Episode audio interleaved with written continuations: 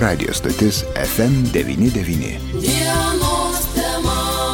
Sveiki, bičiuliai, studijoje prie mikrofono Liudas Ramanauskas. Šiandien ryto dienos temoje pakalbėsime apie vakcinaciją. Ir nuo gegužės 10 dienos registracija vyksta per elektroninius valdžios vartus. Sėkmingai užregistruotas pacientas gauna SMS žinutę su tikslia atvykimo data, laiku bei vieta, kaipgi vakcinavimas vyksta Lietuvoje. Mūsų pašnekovas Lietuvos poliklinikos direktorius Marius Jasaitis. Labadiena, gerbiamas Mariu. Labadiena. Kągi, orai pabiro, galbūt tai labiau paskatins žmonės vakcinuotis. Kokia situacija dabar yra? Yra Alytuje, kaip sekasi vakcinuoti, nes kol kas Alytuje vakcinuojami ir seniorai, ir sergantis lėtinėmis lygomis, ir nuo gegužės 10 jau vakcinuojami 55 plus, ar ne? Kol kas kitokių pakeitimų nėra. Taip, visiškai teisingai jūs pristatėte. Tai nuo gegužės 10 visoje Lietuvoje prasidėjo visuomenės etapinė vakcinacija. Tai reiškia, kad kiekvieną savaitę bus skiepima vis nauja amžiaus grupė. Etapinės vakcinacijos grafikas yra ir kita visa reikalinga informacija yra įdėta Lytaus miesto savivaldybės svetainėje. Tai asmenys norintys žinoti, kada, šia, kada konkrečios amžiaus grupės asmenys galėtų skiepintis, tai jie turėtų šią informaciją susirasti ir pasiskiepyti. Šią savaitę tikrai pradėjome skiepyti 55-64 amžiaus asmenis. Tai trečiadienį buvome registracijos laikų įdėję 500, tai atvyko iš registruotų 480. Šiandien taip pat yra numatyta registracija, tačiau matome, kad 8 val. ryto duomenimis dar buvo apie 170 laisvų laikų, tai tikėtina, kad dar asmenys užsiregistruos, tačiau taip. pastebėjom, kad antros dienos aktyvumas yra sumažėjęs. Taip, tai Mariau, visi esame suinteresuoti, kad kuo daugiau žmonių vakcinuotųsi, kad mes visi gyventume šiek tiek atlaisvintų režimų. Jūsų nuomonė, ką reikėtų padaryti, kad štai tas aktyvumas nemažėtų pagal vakcinavimo dabar visą tą tvarką. Dar po savaitės jau vakcinuojami bus jaunesnio amžiaus žmonės, bet štai 55 plus. Atrodo, tokių žmonių iš tikrųjų Lietuvoje yra nemažai.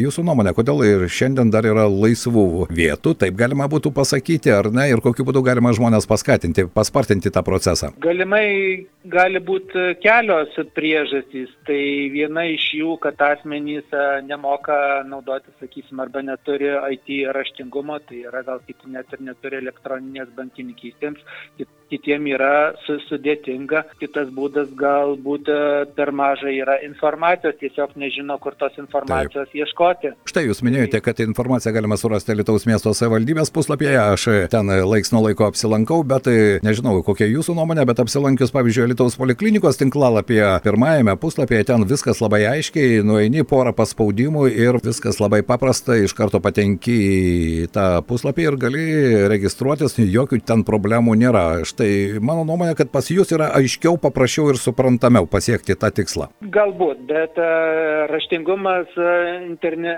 kaip sakau, IT prasme kiekvieno asmens yra skirtingas ir iš tikrųjų, ta, jeigu kažkam nesiseka, tai asmenim, tai mes tą informaciją iš tikrųjų suteikėm, bet uh, norėčiau pasakyti, kad valdybės svetainėje yra sudėti vadinami ir filmukai, kaip registruoti. Iš tikrųjų nėra sudėtinga, juo labiau, kad sistema leidžia, sakysim, registruoti, užregistruoti asmenį su kito pagalba. Tai reiškia, kad asmo gali kreiptis į artimą, į giminaitį, kaimyną, draugą, nežinau, gal. Anuką, jeigu, taip. Anuką užeiti į miesto biblioteką ir padėti, kad, jam, kad jį užregistruotų. Taip. Tai manau, kad uh, tikrai galime tą padaryti. Be jokios abejonės, kodėl mes kalbame, nes štai jūs šiandien sakote, kad tai intensyvumas tai yra noras registruotis, kiek sumažės, o kokiamis vakcinomis šiandien šiandien jūs skiepysite? Šiandien skiepiname Pfizerio. Tai e, grįžtant prie pokalbio pradžios, tai norėčiau pasakyti, kad registruojantis būtent šitoje sistemoje mato žmogus, kokia vakcina, gali pasirinkti laiką, Taip. E, kada jiems e, patogu atvykti. Taip pat nuo gegužės 17 dienos planuojama tačiau noriu pasakyti, kad tik tai planuojama ir kitas registracijos būdas, tai asmenys galės skambinti telefonu per karštąją liniją 1808 Taip. ir jie bus užregistruoti, bet čia numatyta. Nuo kitos savaitės pradžios. Savaitė, taip, taip, taip. Nuo, nuo pirmadienio numatoma, nes kodėl mes kalbame, todėl kad dabar yra ir amžiaus grupio apribojimą 55 plus, kitą savaitę amžius galbūt tai anksti jaunės, bet juk artėjame ir prie masinės vakcinacijos, jo lab, kad ir sveikatos apsaugos ministerija ir premjerė žada, jog artimiausiu metu vakcinų kiekiai iš tikrųjų atkeliaujantis į Lietuvą tikrai didės ir ta masinės vakcinacijos diena vis labiau artėja. Sutikite su tuo, kai kurios savivaldybės imasi įvairių priemonių. Štai Marijampoliečiai atvedė į senolį ir gauni pats nemokamą vakciną. Ar jūs irgi taikote kažkokius, na, tokius bonusus, kurie galėtų padėti paskatinti vakcinaciją? Žinote, mums kol kas bonusų nereikia daly, dalinti, gal tai pavadinčiau, nes iš tikrųjų puikiai visus gaunamus vakcinų kiekius mes skiepiname ir taip, taip, taip. sunaudojame. Ir taip, kad uh, sandėliuotume ar kažko neišnaudotume, dar nėra tai buvę. Nu, bet ir bonusai kitą kartą gal praverčia. Gal pasinaudosim kolegų patirtim, nežinau dar.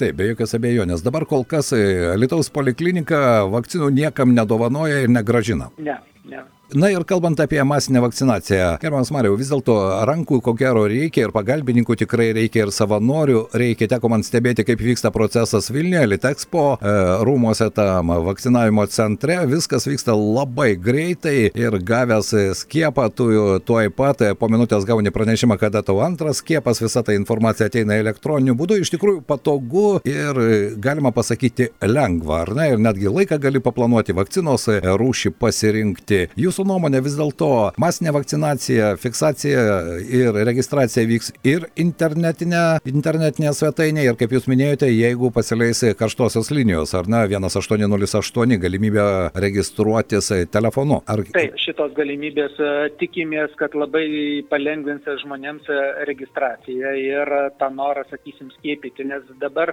galimai pastebim, kad, sakysim, registruotis per elektroninę bankininkystę, nu, žmonės nedrįsta, nepat patogu ir tada Taip. bando ieškoti, sakysim, kitų būdų, sakyti, kad va, mes negavom jokios informacijos. Bet sutikite, kad jaunėjant, tai besiskėpijusių, kurie galės tą padaryti amžiui, vis dėlto elektroninės sistemos naudotojų tikrai turėtų daugėti. Aš manau, kad taip pasiteisins būtent šita naujoji registracijos sistema, nes taip ir iš ministerijos pozicijos būtent, na, sakysim, tam masiniam reiškiniui skirta šita, taip. šitos registracijos sukūrimas buvo. Jo Juolab, kad ir vasara artėja, galimybių pasas turėtų startuoti nuo gegužės 24 dienos. Tie, kurie planuoja, na, vienokio ar kitokio būdu, galbūt netgi atostogas po tokių pandeminių sudėtingų metų, tai ko gero vakcinos ir vakcinavimas ir galimybė gauti tą galimybių pasą yra vienas iš tokių paskatų irgi. Taip, sakyčiau, čia kaip mes vadinam daugiau, kurie nori pramogų ir kelionių.